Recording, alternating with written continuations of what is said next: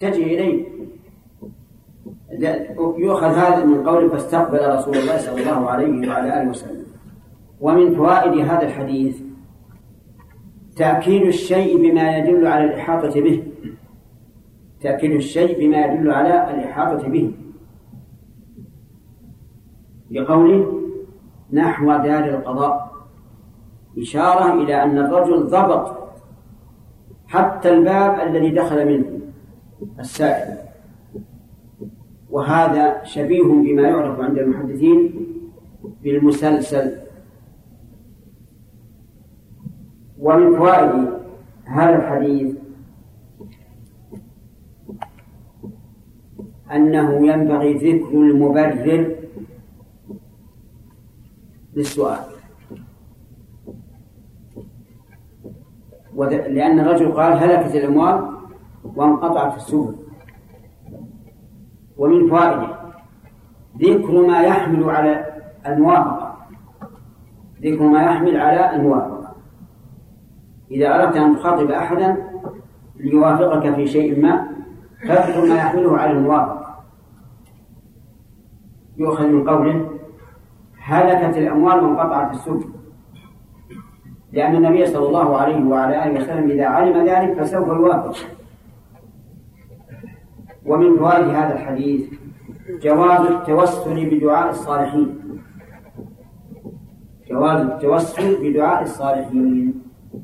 لأن هذا الرجل سأل النبي صلى الله عليه وعلى آله وسلم أن يدعو الله.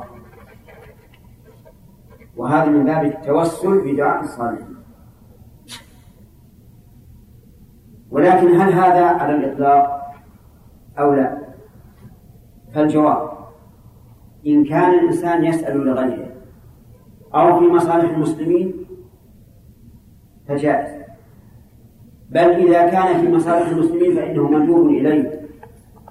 وإن كان يسأل لنفسه فالأفضل أن لا يفعل. فعندنا ثلاث ثلاث أحوال أن يسأل من الرجل الصالح أن يدعو للمسلمين عموما. فهذا مطلوب. الثاني آه، أن يسأل الرجل الصالح أن يدعو لصديقه فهذا دون الأول. قد نقول إنه مثاب عليه وقد نقول إنه جائز فقط. الثالث أن يطلب من الرجل الصالح أن يدعو لنفسه لنفس السائل. فهذا لا ينبغي. لأنه من المسألة المذمومة. لكن إذا حمله الشفقة على الدعاء فليقصد بذلك نفع الداعي. لأن الداعي إذا دعا عليك فقد أحسن إليك فيثاب على هذا. فانوي بذلك نفع الداعي. نبه على هذا شيخ الإسلام ابن تيمية رحمه الله وما نبهه وهذا التنبيه تنبيه حسن. ولعل قائلا أن يقول إن الصحابة كانوا يسألون النبي صلى الله عليه وعلى آله وسلم أن يدعو لهم كما سأل عكاشة بن محصن قال يا رسول الله ادعو الله يجعلني منه. وكما قالت المرأة التي في الصراع ادعو الله لي. فالجواب أن الرجل ليس رجل. هؤلاء سألوا من؟ سألوا النبي صلى الله عليه وعلى آله وسلم وهذا من تحقيق الإيمان به؟ لأنهم لإيمانهم به وأنه رسول الله وأنه مجاب الدعوة. سألوه فهو من تمام الإيمان بالرسول عليه الصلاة والسلام؟ وإن شئت فقل فهو لا ينافي كمال التوكل فإن قال قائل أليس النبي صلى الله عليه وسلم تحدث عن أويس القرن وقال من أدركه منكم فليطلب منه أن يستغفر له أو يدعو له. فالجواب بلى. لكن هذا إكرام إكراما للرجل لأويس لأنه كان بارا بأمه. وليس من أجل صلاحه الدليل على هذا أن في الصحابة من هو أصلح منه ولم يأمر النبي صلى الله عليه وسلم أن يطلب ولم يأمر الناس أن يطلبوا منهم أن أن يدعوا أن يدعوا له. لم يقل اطلبوا من أبي بكر ولا من عمر ولا من سادات الصحابة وهم بلا شك أفضل من ويس لكن هذه مسألة خاصة لعمل خاص فصار ذلك إكراما للرجل. أن يكون من التابعين ويسأل الصحابة أن يدعو له. من فوائد هذا الحديث بيان حاجة الناس بل ضرورتهم إلى الغيث لأن فقده سبب لإيش؟ لهلاك الأموال وانقطاع السبل ويتفرع على هذه القاعدة أن يحرص الناس على تعلقهم بالله عز وجل في طلب الغيث لا يقول نحن لسنا في حاجة. الطعام يأتينا من الخارج. حتى الكماليات تأتينا من الخارج. لسنا في حاجة للغيث. هذا نسأل الله العافية. غلط عظيم. أنتم في الناس بحاجة للغيث. لو لم يكن من الحاجة بل الضرورة إلا الماء. من أين يشرب الناس؟ عجيب من الماء النازل من السماء. قال الله عز وجل أفرأيتم الماء الذي تشربون؟ أأنتم أنزلتموه من المزن أم نحن المنزلون؟ ولذلك إذا قلت الأمطار قلت المياه. افرض أنك لست بحاجة للطعام والشراب والكماليات لأنه يرد عليك من الخارج لكن أنت بحاجة للماء. فلا غنى للناس عن ربهم عز وجل. ومن فوائد هذا الحديث أن المطر غيث. أي مزيل للشدة. لقول الله تعالى لقوله فادعوا الله يغيثنا ومن فوائده حسن ظن النبي صلى الله عليه وسلم بأصحابه لأنه استجاب لطلب الرجل ودعا. لم يقل من من قال هذا؟ هذا شهود ان ان الأموال هلكت والسبل انقطعت بل صدق عليه الصلاة والسلام لأن الأصل في خبر المسلم الذي ظاهر العداله الذي ظاهره العدالة. وش الأصل؟ الأصل الصدق. لا سيما الصحابة رضي الله عنهم. ولا سيما أن هذا سأل في حال الخطبة مما يدل على أن الرجل يعني محتاج لهذا ومن فوائد هذا الحديث جواز الاستسقاء في خطبة الجمعة. لأن النبي صلى الله عليه وعلى آله وسلم استسقى. ومنها مشروعية رفع اليدين في الدعاء حال الخطبة إذا كان ذلك في الاستسقاء دون غيره ولهذا ينكر على الخطيب يوم الجمعة أن يرفع يديه إذا إذا إذا دعا إلا في الاستسقاء إلا في الاستسقاء فإنه يرفع يديه. ومن فوائد هذا الحديث تكرار الدعاء ثلاثا. لأن النبي صلى الله عليه وعلى آله وسلم كرر. قال اللهم أغثنا ثلاث مرات. ومن فوائده أن النبي صلى الله عليه وعلى آله وسلم لا يغني أحدا لا يغني أحدا شيئا. وأن الأمر أمر الله عز وجل. لأنه دعا. ولم يجلب الغيث بل دعا الله عز وجل. ومنها الرد على أولئك المشركين الذين يشركون بالرسول صلى الله عليه وعلى آله وسلم. ويأتون إلى قبره يقولون يا, يا رسول الله أغثنا يا رسول الله أرزقنا يا رسول الله أعطنا أولادا وما أشبه ذلك.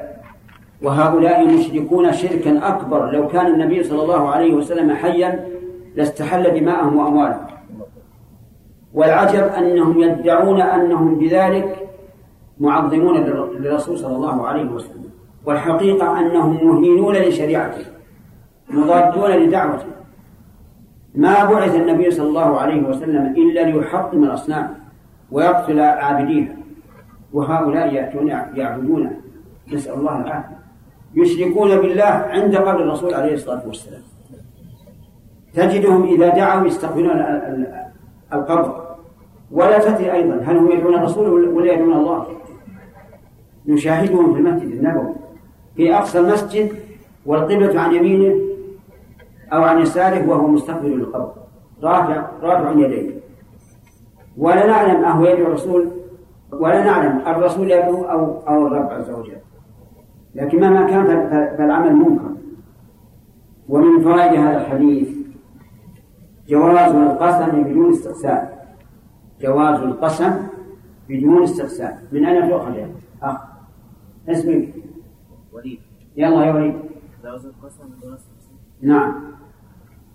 فلا والله ما نرى في السماء. أحسنت. فلا والله ما نرى في السماء. والقسم بدون استقسام مطلوب إذا كان المقصود إثبات الحق وإبطال الباطل. وإلا فلا ينبغي للإنسان أن يقسم.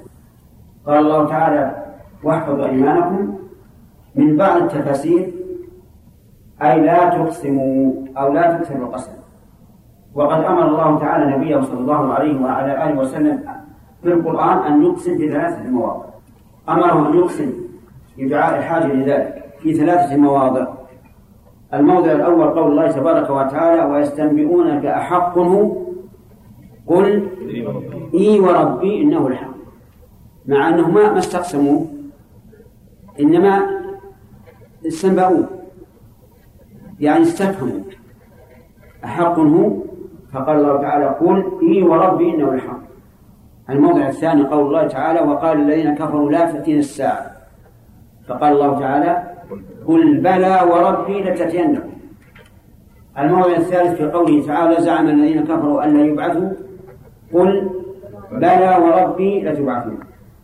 أمر الله أن يقسم في هذه المواضع الثلاثة للأهمية طيب. ومن فوائد هذا الحديث أنه ينبغي للإنسان أن يذكر الشيء إذا كان من الآيات حتى يزداد الإيمان. لقول أنس والله ما نرى في السماء من سحاب ولا قزعة ثم نشأت السحاب. فإن هذا يزيد به الإيمان. ومن فوائد هذا الحديث أنه قد علم بالضرورة أن المطر إنما ينزل من السحاب ليس من السماء نفسها. لقوله ما نرى في السماء من سحاب ولا قزعة ثم أنشأ الله. ومن فوائد الحديث تمام قدرة الله عز وجل حيث نشأت هذه السحابة الصغيرة حتى صارت فوق الرأس ثم انتشرت. ومن فوائد هذا الحديث إثبات آية من آيات النبي صلى الله عليه وعلى آله وسلم حيث استجاب الله دعاءه بهذه السرعة. لأنه ما نزل من المنبر إلا والمطر يتحادر من لحية من لحيته. ففي هذا آية إيش؟ آية من آيات النبي صلى الله عليه وعلى آله وسلم حيث استجاب الله دعوته بهذه السرعة ومن فوائد هذا الحديث أن لكل قوم جهة تأتي من قبلها السحاب من قبلها السحاب. حيث نص على سبع. قال ما بيننا وبين سبع من بيت ولا دار. والناس يعترفون الآن. من الناس من يأتيهم السحاب من الخلف ومنهم يأتيه من الأمام ومنهم يأتيه من الشمال ومنهم يأتيه من الجنوب. لأن الله تعالى جعل لكل شيء قدرا ولكل شيء سببا. يعني ليست السحب تأتي من الشمال إلى الجنوب دائما ولا من الجنوب إلى الشمال دائما ولا من الشرق إلى الغرب دائما ولا من الغرب إلى الشرق دائما. بل ذلك حسب حكمة الله عز وجل. ومن فوائد هذا الحديث أن السحاب يؤمر حيث حيث شاء الله. لأن هذه السحابة بقيت صغيرة حتى توسط السماء وصارت فوق الرأس. فانتشرت. والسحاب يسير بأمر الله عز وجل. ولعله بلغ كثيرا منكم قصة الرجل الذي كان في حرث له وكان حوله رجل حول هذا الحرث فسمع من السماء قولا يقول أسقي حديقة فلان أسقي حديقة فلان يأمر السحاب فأمطرت وجرى الوادي وسقى زرع فلان حديقة فلان ثم ذهب إلى صاحب الحديقة وقال له من أنت فأخبره ثم قال ماذا ماذا أردت؟ قال سمعت صوتا من هذه السحاب الذي أسقى حديقته يقول أسقي حديقة فلان. فماذا تصنع؟ قال أصنع أقسم هذه الحديقة ثمرتها إلى ثلاثة أقسام. قسم لي ولعيالي. وقسم نتصدق به وقسم للإنفاق عليها. الشاهد من هذا الحديث أن السحاب إيش؟ مأمور. يؤمر بأن ينزل بهذه الأرض أو لا ينزل. وإذا كان كذلك فلنعلق القلوب بالله عز وجل الذي يدبر السحاب. ومن فوائد هذا الحديث أن الإنسان ضعيف. لا يستطيع الصبر لا على البلاء ولا على الرخاء. فإن هذا فإن الرجل جاء يطلب الاستسقاء. لم يصبر على القحط. وبقي وفي الجمعة الثانية جاء رجل أو أو الرجل الأول يطلب إيش؟ الاستصحاء لم يصبر على كثرة المطر لأن الإنسان قاصر سواء هذا أو هذا. ومن فوائد هذا هذا الحديث أن الله سبحانه وتعالى حكيم. قد يكثر النعماء حتى تصل إلى نعمة. لأن كثرة المطر إذا زادت صارت عذابا. وقد عذب قوم بالماء كقوم نوح مثلا. لذلك جاء رجل أو آخر يطلب إمساك المال من فوائد هذا هذا الحديث إطلاق اليوم على الأسبوع. لقوله ما رأينا الشمس إيش؟ سبتا وهو من إطلاق البعض على الكل. كقولهم سبعون خريفا. والخريف واحد من أربعة فصول لكن يطلق البعض على الشيء كله. فالسبت يراد به الأسبوع والخريف يراد به العام كاملا. ويأتي شراء البقية. وما أوتينا من العلم إلا قليلا نعم. أي نعم. سيأتي في آخر الحديث. شيخنا حفظك الله. هل يشرع إذا كان قحط أن يدعو الخطيب كل جمعة؟ نعم. كل جمعة وفي أثناء الأسبوع. الإلحاح في الدعاء لا شك أنه خير. طيب الآن ذكرنا أن الرسول صلى الله عليه وسلم رفع يديه. فهل رفع الناس أيديهم؟ فالجواب نعم. صح ذلك في نفس الحديث. أن الصحابة رفعوا أيديهم. لأنهم تابعون للخطيب. بدليل أنهم يؤمنون على دعائه فهم له تبع. طيب. في مسألة قلب الرداء الذي مضى. هل الناس يقلبون أيديهم أفئدتهم؟ نعم. في هذا للعلماء الكلام قول أنه لا يقلب الرداء إلى الخطيب. يعني في صلاة الاستسقاء. وأما الناس فلا يقعون فلا يقلبون أفئدتهم لأن ذلك لم يرد عن النبي صلى الله عليه وعلى آله وسلم إلا في حديث فيه مقال نعم.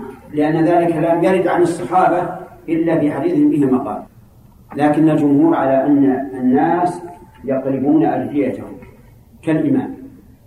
ثانيا هل تقلب النساء جلابيبها؟ يعني آه، آه، عباهم أو لا؟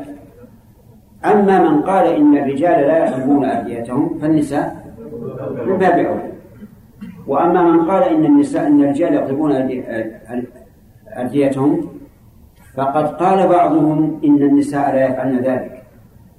لأن هذا يؤدي إلى كشف الثياب التي تحت الجلابيب يعني تحت العباء. فالنساء لا يفعلن هذا والذي أرى في هذه المسألة أن النساء إذا كن في مكان خاص فإنهن يقلبن عباء عباء. وإذا كن مع الرجال في الصحراء فالأفضل أن لا يقلبن لأنهن إذا قمنا يقلبن قد ينكشفن هل يجوز جعل اليد ظاهرها في السماء؟ إيش؟ في الدعاء. في الدعاء؟ هل يجوز أن يجعل يديه. لا لا. يرفع يديه هكذا. إذا رفع بشدة صار ظهوره نحو السماء. وبعض العلماء يرى ما قلت أنه في الاستسقاء يقول هكذا. يجعل البطون إلى الأرض. لكن الأول أصح. نعم سعد. المصلي إذا دخل الركعة الثانية. نعم. هل يكبر أو مع الإمام. يقال تكبيرة يقال؟ أن تقول دخل في الركعة الثانية. مع الإمام. من أولها ولا من, من أثنائها؟ لا من أولها إذا يكبر مع الإمام. خمس مرات. وإدغام نعم. خمس مرات بعد تكبيرة الإحرام نعم. وإدغام الركعة الثانية بالنسبة له يقضي الأول. ست تكبيرات على القول بأن ما يعطيها أول صلاته. وعلى القول الراجح ما يعطيها آخر صلاته يكبر خمس مرات. بعد تكبيرة الانتقال ليست حال القيام بل حال النهوض نعم. إذا أتى في أثناء التكبيرات هل يقضيها؟ لا لا ما يقضيها. إذا أتى في أثناء تكبيرة الصلاة يكبر ما بقي فقط. لأنه لو بقي يقضيها اشتغل بها عن استماع قراءة الإمام هل يشرع ذكر في أثناء التكبيرات؟ ذكر الفقهاء. أنه يشرع أن يقول سبحان الله اللهم صل على محمد. ولكن ما تبين لي هذا من السنة. فلو كبر هكذا بدون شيء فلا حرج.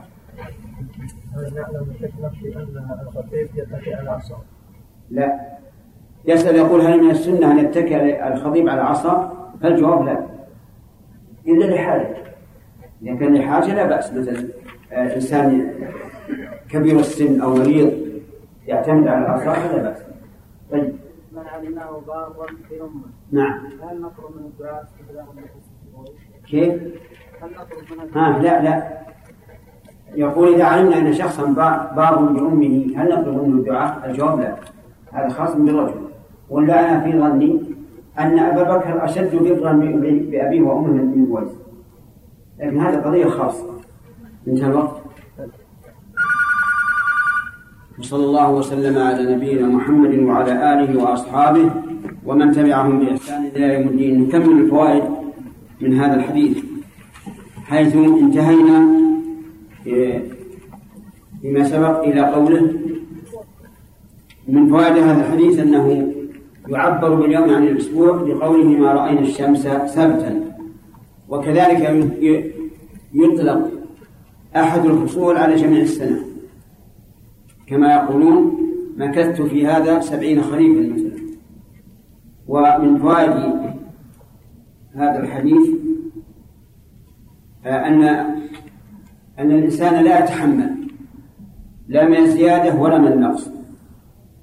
ففي الجمعة الماضية دخل الرجل يطلب الاستسقاء وفي الثانية دخل الرجل يطلب الاستصحاء ومن فوائد هذا الحديث مشروعية رفع اليدين عند طلب الاستصحاء لأن النبي صلى الله عليه وعلى آله وسلم رفع يديه وقال اللهم حوالينا ولا علينا.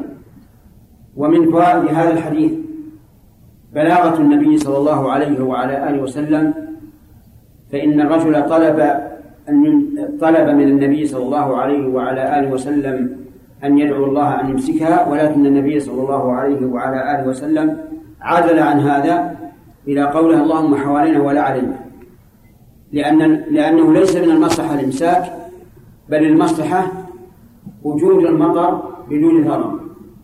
وهذا يحصل بما إذا كانت الأمطار حوالي المدينة لا عليها ومن فوائد هذا الحديث استعمال السجع بشرط أن لا يكون متكلفا. قوله حوالينا ولا علينا إذ من الممكن أن يقول حولنا ولا علينا. لكن حوالينا ولا علينا هذا هو السجع وهو يرد في كلام النبي صلى الله عليه وعلى آله وسلم كثيرا مثل قوله صلى الله عليه وسلم قضاء الله أحق وشرط الله أوثق وإنما الولاء لمن أعتق. فهذا سجع لكنه غير متكلم. والسجع من المحسنات اللفظية لأنه يروق للسمع وينشط على الانتباه. ومن فوائد هذا الحديث اختيار النبي صلى الله عليه وعلى آله وسلم المواقع التي يكون فيها المطر أنفع وأجدى الأكام والضراب وبطون الأودية ومنابت الشجر. ومن فوائد هذا الحديث آيتان آية من آيات الله وآية من آيات النبي صلى الله عليه وعلى آله وسلم. أما الآية من آيات الله فنشوء هذه السحابة وبهذه السرعة وعلى هذا الوجه لأن النبي صلى الله عليه وعلى آله وسلم لم ينزل من من منبره إلا والمطر يتحادر من لحيته. وأما آية النبي صلى الله عليه وعلى آله وسلم فاستجابة الله تعالى دعاءه على هذا الوجه السليم. وقد ورد في بعض هذا هذا الحديث أن النبي صلى الله عليه وعلى آله وسلم كان حين يق... نعم كان حين يقول حوالينا ولا علينا يشير بيده إلى السحاب فما يشير إلى جهة إلا انفرجت بإذن الله عز وجل. ومن فوائد هذا الحديث مشروعية رفع اليدين عند الاستسقاء والاستصحاء في خطبة الجمعة. وأن الناس يرفعون أيديهم كما رفع الخطيب. وإلى هنا ينتهي ما فتح الله به علينا من فوائد هذا الحديث. ولو تأمل المتأمل لوجد, لوجد أكثر من ذلك. ثم قال المؤلف رحمه الله باب صلاة الخوف. صلاة الخوف من باب إضافة الشيء إلى سببه. يعني الصلاة التي سببها الخوف. وكيف تصلى؟ والمراد بالخوف هنا الخوف من العدو وذلك في القتال الجاري بين المسلمين وبين الكفار فشرع لهم صلاة الخوف. قال عن عبد الله بن عمر بن الخطاب رضي الله عنهما قال صلى بنا رسول الله صلى الله عليه وسلم صلاة الخوف في بعض أيامه التي لقي فيها العدو. فقامت طائفة معه وطائفة بإزاء العدو. فصلى بالتي معه ركعة ثم ذهبوا وجاء الآخرون فصلى بهم ركعة وقضت الطائفتان ركعة ركعة. صلاة الخوف وردت عن النبي صلى الله عليه وعلى آله وسلم على وجوه متنوعة. حسب ما تقتضيه المصلحة. فمنها هذا هذه هذا السنة يقول رضي الله عنه صلى بنا رسول الله صلى الله عليه وسلم صلاة الخوف. الإضافة هنا من باب إضافة الشيء إيش؟ إلى سبب. في في بعض أيامه التي لقي فيها العدو. يعني في بعض الغزوات. فصلى على هذا النحو قامت طائفة معه وطائفة بإزاء العدو. يعني قسمهم إلى قسمين. قسم صلوا معه. الركعة الأولى. وقسم بإزاء العدو أي بحذاء العدو. تحرس لئلا ينقض العدو على المسلمين وهم يصلون. صلت الطائفة الأولى معهم ركعة ثم ذهبوا ذهبوا إلى تجاه العدو وهم على صلاتهم ثم جاءت الطائفة الثانية فصلى بهم. صلى بهم ركعة. وقالت الطائفتان ركعة ركعة. صلى بالطائفتان ركعة ثم سلم. فقضت الركعة التي فاتتها والأخرى التي ذهبت إلى العدو قضت الركعة أيضا فصار هنا فاصل بالنسبة للطائفة الأولى. فاصل بين الركعة الأولى والركعة الثانية لكنهم لا زالوا على صلاتهم. الصفة واضحة ولا غير واضحة؟ قسمهم الإمام قسمين. قسم ذهبوا إلى العبد وقسم دخلوا معه. فصلى بهم ركعة ثم ذهبوا إلى إلى اتجاه العدو وهم على على صلاتهم فجاءت الطائفة التي بإزاء العدو ودخلت مع الإمام فيما فيما بقي من صلاته. فصلى بهم ركعة. ثم سلم. فقضت الطائفتان ركعة ركعة الأولى باقي عليها ركعة. والثاني باق عليها ركعة فقضت كل واحدة منهما ما بقي عليها. هذه الصفة ففي هذا دليل على مسائل. منها أن الصلاة لا تسقط حال الخوف ولا تؤجل بل تصلى في وقتها على حسب الحال. ومنها وجوب صلاة الجماعة لأنه إذا وجبت الجماعة في حال الخوف ففي حال الأمن من باب أولى. ومنها أن صلاة الجماعة فرض عين لا فرض كفاية لأنها لو كانت فرض كفاية لاكتفي بالطائفة الأولى. وهذا هو هو الحق. أن صلاة الجماعة فرض عين لا يحل لأحد تركها إذا كان من أهل الوجود. وذهب بعض العلماء إلى أنها فرض كفاية لكنه ضعيف. وذهب آخرون إلى أنها سنة وهو أضعف. فالصواب أنها فرض عين على كل ذكر بالغ عاقل. واختلف العلماء رحمهم الله فيما لو صلى منفردا بدون عذر. فذهب بعض أهل العلم إلى أن صلاته باطلة ولو صلى ألف مرة. وممن ذهب إلى هؤلاء وممن ذهب إلى هذا الإمام أحمد في رواية عنه وشيخ الإسلام ابن تيمية وقال إن هذا واجب في الصلاة وترك الواجب عمدا يبطل الصلاة. وقال آخرون إن الصلاة صحيحة ولكن المتخلف آثم وهذا القول هو الحق. بدليل أن النبي صلى الله عليه وعلى آله وسلم قال صلاة الجماعة أفضل من صلاة الفذ بسبع وعشرين درجة. ووجه الدلالة أنه لو كانت صلاة الفذ باطلة لم يكن فيها فضل أصلا. فلما جاءت المفاضلة علم أن في صلاة الفذ فضلا وهذا لا يكون إلا إذا قلنا بصحتها. ثم اختلف العلماء القائلون بأن صلاة الجماعة فرض عين. هل يجب نعم أن هل يجب أن تصلى في المساجد؟ أو الواجب تحصيل الجماعة ولو في البيوت على قولين للعلماء. منهم من قال الواجب تحصيل الجماعة ولو في البيوت ومنهم من قال الواجب حضورها في المساجد إلا لعذر وهذا أقرب إلى الصواب. أن الواجب حضورها في المساجد إلا لعذر وإلا فما الفائدة من بناء المساجد ودعوة الناس إلى إلى إلى الصلاة؟ ثم إن النبي صلى الله عليه وعلى آله وسلم قال لقد هممت أن آمر بالصلاة فتقام ثم آمر رجلا فيصلي بالناس ثم أنطلق برجال معهم حزم من حطب إلى قوم لا يشهدون الصلاة فأحرق عليهم بيوتهم. ولم يقل ما لم يصلوا جماعة. فالصواب وجوب صلاة الجماعة في إيه؟ في المساجد. ولكن إذا كان هناك مصلحة حكومية كالدوائر الحكومية الآن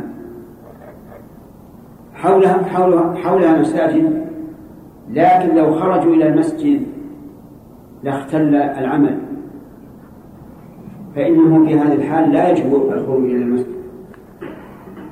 لأن في ذلك إضاعة للعمل من وجه ولأن ذلك فتح باب للمتهاون. فتجد يخرج على أنه يصلي بالمسجد ولكن لا يصلي يذهب إلى أهله كما شوهد هذا. وفيه أيضا فتح باب للمتهاون من وجه آخر أنه يخرج إلى المسجد من حين يؤذن ويبقى هناك يقرأ القرآن أو يصلي حتى تقام الصلاة ثم بعد الصلاة يتنفل فيضيع واجبا بفعل مستحب. لهذا نرى أن الدوائر يصلون في دائرتهم. إذا كان في ذلك اختلال في العمل أما لو كانت الدائرة الصغيرة خمسة أنفار أو ستة أنفار والعمل قليل فهذا القول فالقول بوجوب الصلاة عليهم في المسجد له وجه.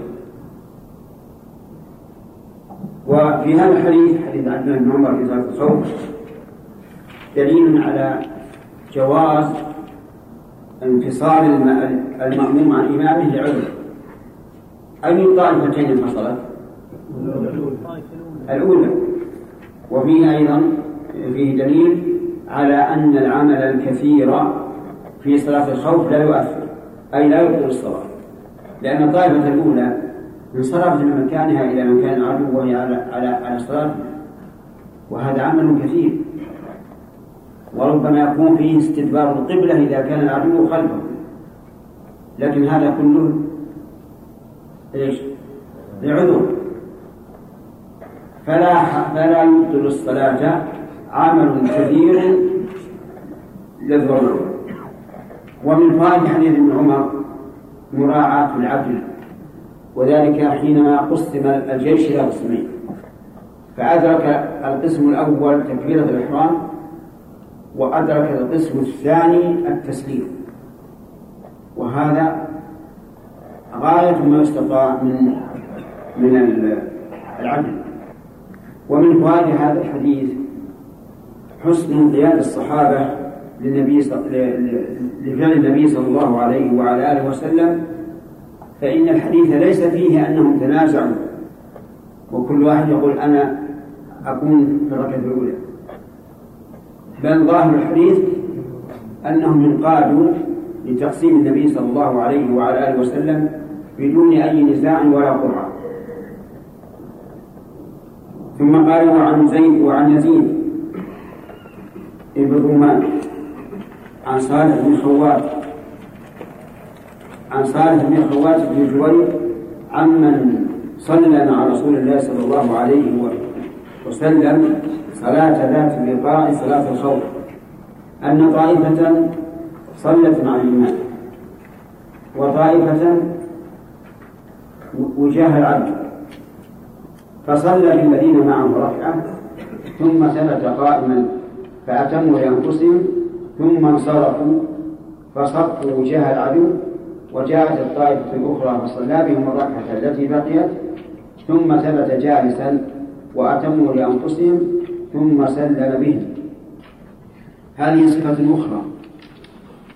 الحديث يقول أن نعم عن من صلى مع النبي مع رسول الله صلى الله عليه وسلم صلاة ذات اللقاء. هذا الرجل بينه مالك رحمه الله فقال هو سهل ابن أبي حسمة حسمة وقول ذات اللقاء يعني غزوة ذات اللقاء وسميت ذات اللقاء لأن الصحابة رضي الله عنهم لفوا على أرجلهم رقاعا لئلا تنتقد من السعي. صلاة الخوف هذا بيان للصلاة التي صلاها. أن طائفة صلت مع الإمام وطائفة مجهلة أي أنه قسمهم قسمين قسم صلوا معه. وقسم وجاه العبد يعني في وجه العدو. فصلى بالذين معه ركعة ثم ثبت قائما فأتموا لأنفسهم. صلى بهم ركعة. فلما قام إلى الثانية أتمت هذه الطائفة الركعة الثانية. وسلموا. وانصرفوا إلى وجاه العبد إلى وجاه العبد وجاءت الطائفة التي كانت هناك فدخلوا مع النبي صلى الله عليه وسلم في الركعة الثانية لأنه ما زال قائما فصلى بهم الركعة التي بقيت. لما جلس للتشهد ثبت جالسا وأتمت الطائفة لأنفسهم يعني أنهم قاموا من السجود رأسا وأتموا الركعة والنبي صلى الله عليه وعلى آله وسلم جالس. فلما أتموا أتموا الركعة وافقوا النبي صلى الله عليه وعلى آله وسلم في التشهد. فسلم به. الصورة واضحة ولا غير واضحة؟ يعني قسمهم قسمين. قسم ذهبوا إلى العبد والقسم الثاني صلوا معه وكان قد أعلمهم. أنه إذا قام إلى الثانية سيبقى قائما وأنهم يتمون لأنفسهم ويذهبون إلى العدل فتأتي الطائفة الثانية فتدخل معه وهو لا زال قائما فيصلي بهم الركعة التي بقيت ويجلس التشهد ويقوم هؤلاء فيتمون لأنفسهم قبل أن يسلم الإمام. ثم يصادفون الإمام في التشهد ويسلم بهم معنا يا محمود. فاهم القضية؟ فاهم الصفة ولا ما فهمتها؟ فاهم. طيب. هذه الصفة فيها مخالفات. منها أن الطائفة الأولى انفصلت عن الإمام قبل أن يتم صلاته. أليس كذلك؟ طيب. ومنها أن الطائفة الثانية قضت ما فاتها قبل أن يسلم الإمام. لأن الطائفة الثانية لما جاءت وصلت معه بقية الركعة بقية الصلاة قاموا من السجود رأسا ليتموا ما فاتهم فأتموا فأتموا ما عليهم قبل أن يسلم الإمام. وهذا كله خلاف الصلاة المعتادة.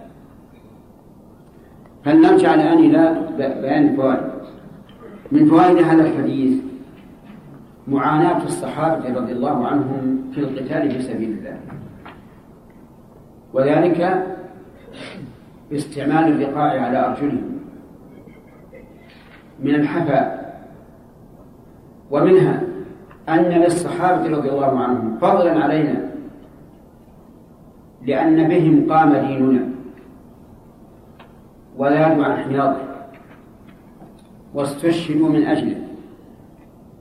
فلهم علينا الفضل في ذلك. ومنها أن الإمام يقسم الجيش إلى قسمين على حسب ما سمعته في صفة الصلاة. ومنها العدل بين الرعية. لأن النبي صلى الله عليه وعلى آله وسلم عدل بين الطائفتين. الطائفة الأولى أدركت معه تكبيرة, تكبيرة الإحرام. والطائفة الثانية أدركت معه إيش؟ التسليم. أيهما الذي أدرك الصلاة كاملة؟ الأولى أو الثانية؟ الثانية. أدركت الصلاة كاملة. لأنها دخلت مع الإمام وسلمت معه. الأولى أدركت ثواب الصلاة لا شك لأن من أدرك ركعة من الصلاة فقد أدرك الصلاة. لكن الثانية أدركت الصلاة حقيقة لا حكما ومن فوائد هذا الحديث جواز انفراد المأموم عن إمامه لعذر. أيهما الذي انفرد؟ الطائفة الأولى. فإذا كان للمأموم عذر فله أن ينفرد. من الأعذار أن يطيل الإمام الصلاة كما سبق. إذا أطال الإمام الصلاة أكثر من السنة فللمأموم أن ينفرد ويسلم لنفسه.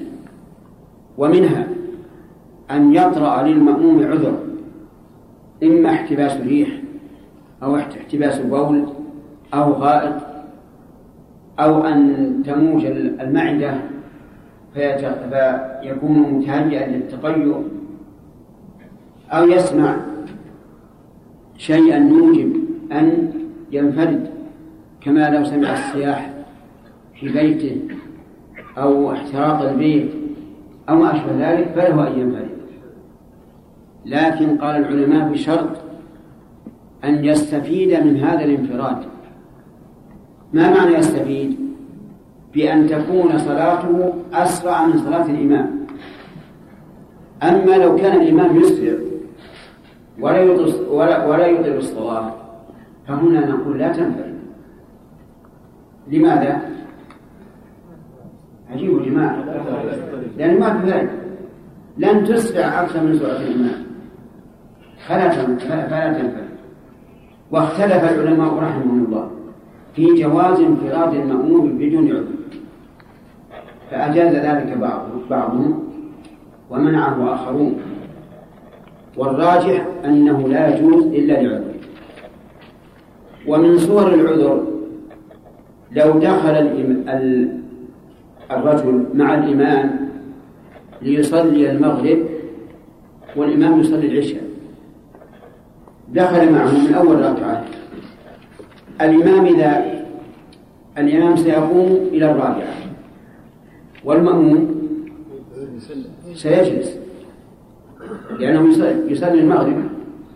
فنقول لا بأس أن تنفرد هنا. وتجلس وتقرأ التشهد وتسلم ثم تدخل مع الإمام إن أدركت فيما بقي من صلاة العشاء. لأن هذا انفراد للعذر لو قام مع الإمام إلى الرابعة فما حكم الصلاة؟ تكون باطلة فهو معذور. الخلاصة الآن جواز انفراد المأموم عن إمامه إيش؟ لعذر. بشرط أن يستفيد من هذا الانفراد. وإلا فلا ينفرد. ومن فوائد هذا الحديث جواز الدخول مع الإمام في أثناء الصلاة. وهذا أمر لو قيل إنه من جنس السماء فوقنا والأرض تحتنا لكان وجيها. لكن الفائدة من ذلك أن أن المسبوق إذا جاء لا يقول سأنتظر مثلا آه، التشهد سأنتظر الركوع وما أشبه ذلك بل يدخل مع الإمام حيث وجد لقول النبي صلى الله عليه وسلم ما أدركتم فصلوا وما فاتكم فأتموا ومن فوائد هذا الحديث أنه أن السنة تطويل الركعة الثانية أطول من الأولى مراعاة للداخلين. مع أن السنة في غير هذه الصورة أن تكون الركعة الأولى أطول من جماعة. أطول من الثانية. إلا في هذا فإن الإمام يطول مراعاة للداخلين. ومنها أنه لا بأس أن يطيل الإمام الركوع لانتظار داخل في الصلاة إلا إذا شق على المأمومين. مثال ذلك الإمام راكع الآن سمع أحدا دخل المسجد. لا بأس أن يطيل أن يطيل الركوع من أجل كمل أن يدركه الداخل. لأن النبي صلى الله عليه وعلى آله وسلم أطال القيام في الركعة الثانية مراعاة للداخلين. بشرط إيش؟ ألا يشق على المأمومين الذين معه فإن شق عليهم فهم أولى بالمراعاة لأنهم دخلوا معه من أول الصلاة. ومن فوائد هذا الحديث خروج هذه الصلاة عن نظائرها. وذلك بقضاء الطائفة الثانية ركعتها التي فاتت قبل أن يسلم الإمام. لماذا شرع لها أن تفعل هذا؟ مع أنه يمكن أن يسلم الإمام ثم تقوم. نقول مراعاة للعدل حيث إن الأولى أدركت تكبيرة الإحرام وهذه أدركت التسليم. وهذا من تمام العدل. وفيه أيضا من الفوائد مراعاة العدل. بين المستحقين على حد سواء. وأما إذا تميز أحد بحق فيعطى حقه. لكن إذا لم يتميز فإن الواجب مراعاة العدل لأن الرعية للأمير مثلا بمنزلة الأولاد للرجل الواحد. وقد قال النبي صلى الله عليه وعلى آله وسلم اتقوا الله واعدلوا بين أولادكم. انتهى الوقت. نعم. نعم. في صلاة الجماعة. هل سماع الأذان؟ أي نعم. لا مو لازم إذا كان يمكن أن يصلي لأن أحيانا يكون الجو صافي لا يسمع الأذان. أحيانا يكون سمع الإنسان ثقيلا. العبرة بالمشقه ما دام لا يشق عليه الحضور فليحضر. نعم. شيخنا الله يحفظك. الآن من الخطط العسكرية أن لا يجتمع الجيش جميعا. لأن الحرب تطورت وقد تأتي قنبلة تقضي على الجيش تماما عند اجتماعهم نعم. فهل تقول انها ما زالت تشرح أيضا على هذه الصفة؟ أو على حسب المصلحة لا على حسب المصلحة إذا تطور تطورت أساليب الحرب فالواجب اتباعها لعموم قول الله تعالى وأعدوا لهم ما استطعتم من قوة. عند وجود خطر على الإنسان وهو في الصلاه كونه حية مثلا هل يقطع الصلاة ويقتلها أو يقتلها ويستأنف الصلاة؟ قياسا على الخوف لا إذا إذا صال على الإنسان حية وهو يصلي دفعها ولو ولو قال الفعل لأن هذا ضرورة ضرورة ولا يقطع الصلاة. نعم. هل يؤذن ويقال في صلاة الخوف؟ هل؟ يؤذن. هل الأذان واجب لكل جماعة في الأمن والخوف وكذلك الإقامة؟ وإذا كان لم تذكر في هذا الحديث فهم إنما يريدون بيان صفة الصلاة فقط. وإلا لقلنا أيضا الوضوء استقبال القبلة وغير ذلك نعم نعم. يصلي ركعتين في الأولى وركعة في الثانية. لأنه ما يمكن قسم مثلا ركعة ونصف شيخ خروج الطائفة الأولى لا يستلزم إحرافهم بالعبد ولا يستلزم يعني التفات من يمين ويسار. لكن ما بارك الله فيك. نعم. يصلى يا شيخ للإستصحاء؟ ارفع صوتك. هل يصلى للإستصحاء؟ ارفع صوتك. هل يصلى للإستصحاء؟ إيش؟ الاستصحاء يا شيخ. لا لا. الاستصحاء لا يصلى له. ولكن يدعى فيقال اللهم حوالينا ولا علينا اللهم على الأكام والضراب وبطون الأودية ومنابت الشجر إذا لم يخشى المسلمون أن يهجم عليهم العدو هل إذا؟ لم يخشى المسلمون أن يهجم عليهم العدو هل نعم. يصلون الصلاة العادية؟ أنت تعرف أن هذه الصلاة ضرورة. متى اضطررنا إليها صليناها على هذا الوجه. وإذا لم نحتج إليها صليناها عاديا. كالعادة. نعم. بارك الله فيكم. جماعة فاتتهم صلاة في المسجد. هل تلزمهم صلاة الجماعة في البيت؟ نعم. يقول إذا دخل جماعة المسجد وقد فاتتهم الصلاة فهل يصلون في المسجد أو لا؟ فالجواب يصلون في المسجد. ما أدركوا المسجد كليا. أي يصلي في المسجد؟ يصلون المسجد إذا- إذا انتهت الصلاة. ودخل جماعة فليصلون في المسجد. ودليل ذلك أن رجلا دخل والنبي صلى الله عليه وسلم في أصحابه وقد انتهت الصلاة فقال من يتصدق على هذا فيصلي معه. فقام أحد القوم وصلى معه جماعة في نفس المسجد. وأما قول من يقول يذهب إلى البيت ويصلي هناك ولا تعاد الجماعة في المسجد مرة ثانية فهذا ضعيف ولا دليل عليه. نعم نقول لا تتخذ عادة. فيتأخر هؤلاء الجماعة عن الجماعة الأولى ويصلون جماعة وحدهم هذا لا يجوز. لأن هذا فيه تمزيق تمزيق الأمة. أما إذا كان لعارض جماعة دخلوا المسجد ووجدوا الناس قد صلوا فليصلوا في نفس المسجد. نعم. إذا إذا رأيت الإمام قام من الركوع ما كبر إذا قام من الركوع في إيش؟ من الركوع من الركوع إذا رفع من الركوع قبل أن تركع أنت؟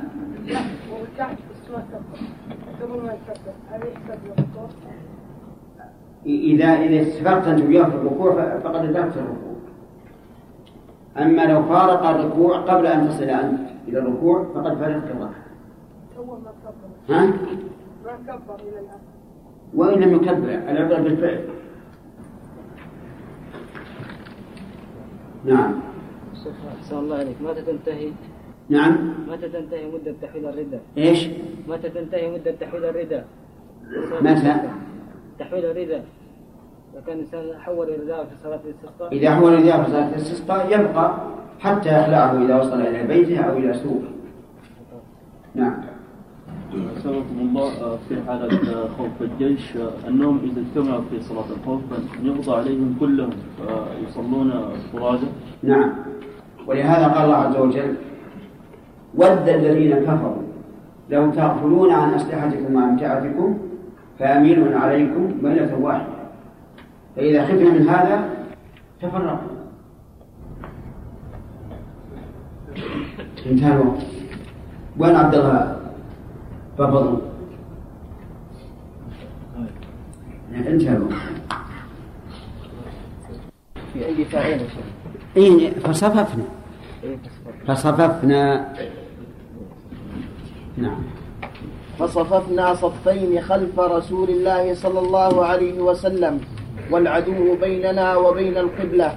فكبر رسول الله صلى الله عليه وسلم وكبرنا جميعا. ثم ركع وركعنا جميعا ثم رفع رأسه من الركوع ورفعنا جميعا ثم انحدر بالسجود والصف الذي يليه وقام الصف المؤخر في نحر العدو. فلما قضى النبي صلى الله عليه وسلم السجود وقام الصف الذي يليه انحدر الصف المؤخر بالسجود وقاموا.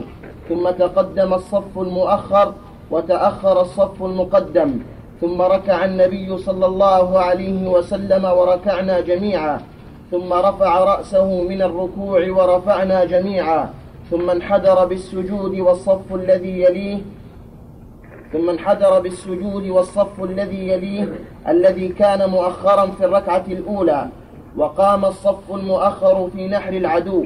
فلما قضى النبي صلى الله عليه وسلم السجود والصف الذي يليه انحدر الصف المؤخر بالسجود فسجدوا ثم سلم النبي صلى الله عليه وسلم وسلمنا جميعا.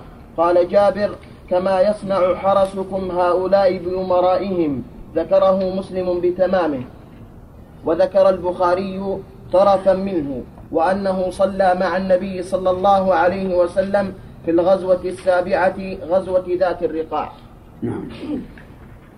هذا الحديث في- فيه الصفة الثالثة من صلاة الخوف.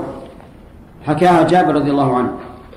يقول خرجنا شهدت مع رسول الله صلى الله عليه وسلم صلاة الخوف وذلك في غزوة ذات الرقاع. وكان العدو يقول فصرفنا صفين خلف النبي صلى الله عليه وسلم والعدو بيننا وبين القبلة. يعني أمامنا ونحن نصلي. تصوروا الآن العدو بيننا وبين القبلة. إذا قمنا جميعا متجهين إلى القبلة صار العدو أمامنا. نعرف تحركاته ونعرف كيف يتصرف. يقول صف- صفوا مع الرسول صلى الله عليه وعلى آله وسلم. كلهم جميعا صفوا. كم من صف؟ صفين وإن طالا. يعني ما نقول كثروا صفوف نجعلهم صفين لأن ذلك أخسر. يقول فكبر النبي صلى الله عليه وسلم وكبرنا جميعا. ما في إشكال. هذه تكبيرة الإحرام. ثم ركع وركعنا جميعا. في هذه الحال حال الركوع أين يكون نظرهم لا بد أن يرفعوا رؤوسهم لا بد أن يرفعوا رؤوسهم ليشاهدوا العدو. ولكن ولكن الظهور ركوع. ثم ركع وركعنا جميعا. ثم رفع رأسه من الركوع ورفعنا جميعا. ثم انحدر بالسجود والصف الذي يليه. يعني سجد النبي صلى الله عليه وسلم والصف الذي يليه. وبقي الصف المؤخر في نحر العدو يعني أمامه. يحرسه. واضح الآن؟ العدو مأمون أو غير مأمون الآن؟ مأمون. بأي الصفوف بالصف الثاني. فلما قضى النبي صلى الله عليه وسلم السجود وقام الصف الذي يليه انحدر الصف المؤخر بالسجود وقاموا صار الآن الجميع قيام. الصف الأول والصف الثاني. ولكن ماذا صنعوا؟ تقدم الصف المؤخر وتأخر الصف المقدم. يعني صار الصف الأول مكان الثاني والثاني مكان الأول.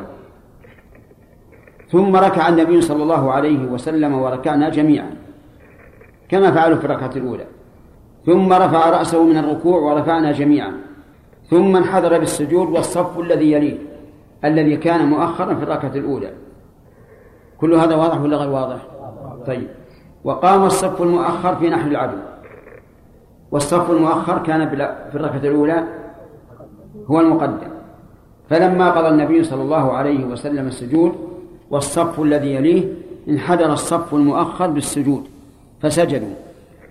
ثم سلم النبي صلى الله عليه وسلم وسلمنا جميعا. هذه هذه الصلاة أقل من الصلوات السابقة.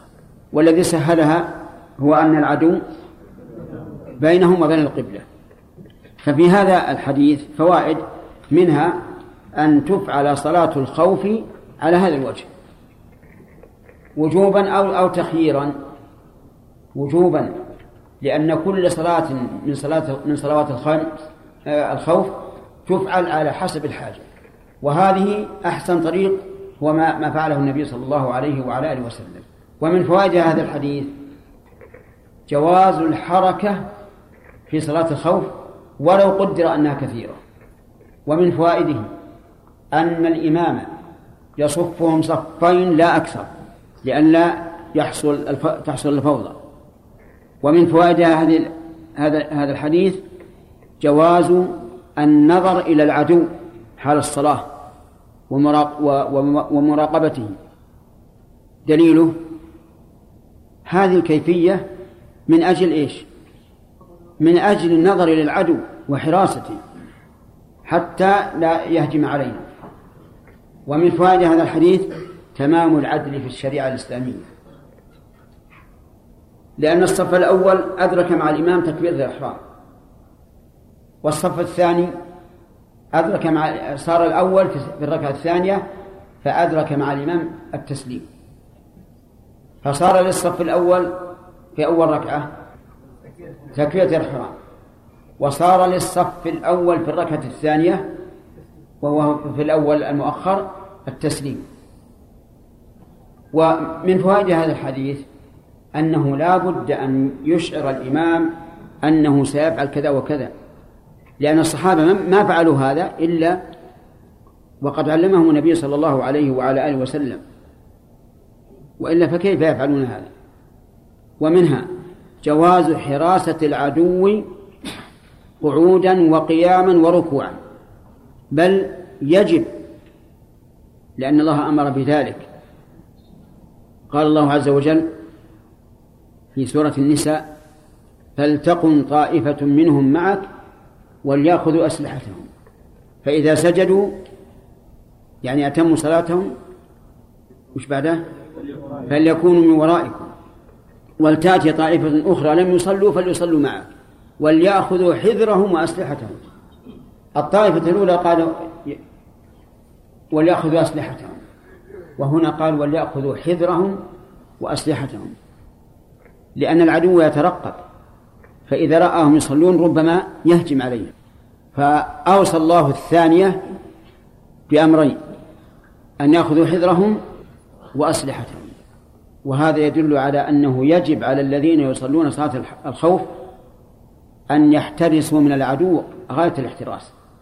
ومن فائدة هذا هذا الحديث جواز التخلف عن الإمام للعذر. جواز التخلف عن الإمام للعذر. لأن الصف الثاني يتأخر في السجود عن الإمام لكن هذا لعذر. كما أنه يجوز أن يتقدم الإنسان المأموم على الإمام للعذر.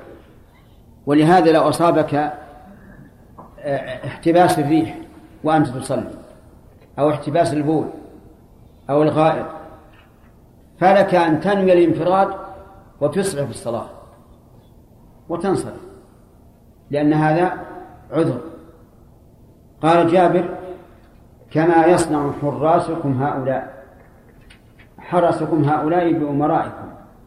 كان الأمراء يتركون الحراس. رجال رجال الأمير. لا يصلون. يقفون يحرسون من؟ يحرسون الأمراء. وهذا بعد أن تغيرت الأحوال وحصلت فتن وإلا فكان الخلفاء الراشدون لا يفعلون هذا لأنهم ليسوا بحاجة إليه كان أمير المؤمنين عمر رضي الله عنه ينام في المسجد وحده. والقصة المروية عن معاوية رضي الله عنه. معاوية كان أميرا لعمر في الشام. وكان الشام وهم الروم كانوا قد تقدموا في الترف في الدنيا. وصار الواحد منهم آه، له أبوة ورأى معاوية رضي الله عنه أنه لن يستقيم له أمر حتى يكون له أبوة أكثر من عمر في القصور والرجال والحراس وغير ذلك. لأن لكل مقام مقالا. احتاج بيت المال إلى دار يهودي. إلى جانب بيت المال. فطلب معاوية من اليهودي أن يبيعها عليه لأجل يوسع بيت المال. ولكن اليهودي يهودي أبى أن يبيعه. قال ما أبيعه. أعطاه قيمتها مرتين. قال ما أبيعه. وتبين الآن أنه إيش؟ أنه معاند وإلا أعطي قيمة مرتين. أو يبنى له سواها لكن أبى. معاوية رضي الله عنه قال المسلمون محتاجون لهذا. فأدخل بيته قهرا عليه في بيت المال. وقال القيمة موجودة. متى شئت خذها. اليهودي ما استقر له قرار. فقيل له اذهب إلى عمر. ذهب إلى عمر دخل المدينة يسأل عن عمر. ظن أن عمر في مكان أفخم من معاوية لأن معاوية أميره. فظن أنه سيجد قصرا ويجد حراسا ويجد رجالا. كل من سأل عنه قالوا ربما يكون في المسجد أو في بيته. ذهب إلى المسجد ما وجد أحد. وجد رجلا قد كوم الحصباء ونام عليها. خرج. على أنه إيش؟ على أنه ما وجد عمر. أن هذا رجل من من المارة أدركه النوم فنام. خرج يسأل. أين أين أمير المؤمنين؟ قالوا في, في المسجد. ما رأيت أحد. امشي. فأراه إياه. فلما استيقظ عمر أو أيقظه هذا رفع إليه الشكوى أن معاوية أخذ بيتي قهرا مني لبيت المال. فكتب عمر إلى معاوية أن أن ابني له بيتا أعطه البيت وابنه له. يقول رجع اليهودي إلى إلى من؟ إلى معاوية في الشام. قرأ الكتاب من من عبد الله أمير المؤمنين عمر إلى معاوية. ابني للرجل بيته وسلمه له. يقال والله أعلم إنه أخذ الورقة ووضعها على رأسه. معاوية قال يلا الآن ابنوا له البيت. فقال اليهودي لا لا تبنوه. أشهد أن لا إله إلا الله وأن محمد رسول الله وأن بيتي للمسلمين. الله أكبر. شوف كيف العدل. لكن لما تغيرت الأحوال وحصلت الفتنة وهجم على الخلفاء بدأ الخلفاء يتخذون حرسا. الحرس كانوا يفعلون كما فعل النبي صلى الله عليه وسلم في صلاة الخوف. يدخلون مع الإمام ويركعون مع الإمام ويرفعون مع الإمام. فإذا سجد بقوا واقفين. بقوا واقفين. فإذا قام سجدوا. كما صنع الرسول صلى الله عليه وسلم في صلاة الخوف. الآن تغيرت الأحوال. بدأ الحرس لا يصلون أبدا. حتى لو صلاة الجمعة ما يصلون. حتى صلاة الجمعة لا يصلون. والحقيقة احفظ الله يحفظك. احفظ الله يحفظك. والله ما خاف الإنسان أحدا من الناس إلا أخافوه وما اعتمد أحد على الله إلا اتقاه الناس. لكن مشكل الأمر تغير الأمر تغير. فصار الحرس في الزمن في, في الزمن الأول يصنعون في صلاتهم إيش؟ كصلاة الخوف. على حديث جابر ما يبقون لا يصلون. وتغيرت الأحوال. قال وذكر البخاري طرفا منه أن وأنه صلى صلاة الخوف مع رسول الله صلى الله عليه وعلى آله وسلم في الغزوة السابعة غزوة ذات الرقاع. ثم قال المؤلف باب الجنائز. الجنائز جمع جنازة بفتح الجيم وكسرها. يقال جنازة ويقال جنازة. وفرق بعض اللغويين بينهما فقال جنازة بالفتح لجثة الميت. وبالكسر للنعش. وقال إن الفتح أعلى فيكون للعالي وهو الجثة فوق آه، النعش. والكسر للنازل وهو النعش. وعلى هذا فنقول جنازة للنعش. سؤال خمس دقائق. نعم. هل هي صلاة قصر؟ إيش؟ هل هي صلاة قصر؟ ما أدري والله عنك. هل الرسول صلى صلاة الخوف بالمدينة؟ لا طيب. كل صلاة الخوف اللي وردت عن الرسول كلها في, في, في, في السفر صلاة قصر. لكن لو وجد في في في لو أن العدو حاصر البلد فإنه لا قصر لأنهم ليسوا مسافرين إذ أن سبب القصر هو السفر فقط. نعم. كلمة؟ ما يصلح. هو قال الأخير لو قال الآخر الآخر لا بأس. لكن الأخير هل بعد الأخير شيء؟ أجب. أجب يا رجل. كل يعلم. هل بعد الأخير شيء؟ ما بعد شيء. ما بعد شيء. الآخر صحيح. مثوى آخر بالنسبة للدنيا وهناك مثوى آخر للآخرة. مع ذلك أيضا لا أرى أنها تقال. لكنها ليست ليس خطورتها كخطورة المثوى الأخير. هذه خطرة جدا. والظاهر أنها متلقاة ممن لا يؤمن بالبعث. لأن ما رأيناها في كتب العلماء ولا سمعناها أيضا في آبائنا ومشايخنا. لكن هذه تلقيت لعلها من قوم لا يؤمنون بالآخرة قال المثل الأخير. انتهى. حرر السؤال عاد انتهى الوقت. اي نعم. الطائفة التي ليست مع الإمام نعم. إذا قابلت العدو نعم. ثم انتهى القتال. هل تكمل الصلاة أو تعيد صلاة؟ لا تكمل الصلاة. هي ذهبت على صلاتها. وهذه كما قلنا لكم من صلاة الخوف يغتفر فيها ما لا يغتفر في غيرها من الحركات والاتجاه إلى غير القبلة وغير ذلك. خلاص انتهى الوقت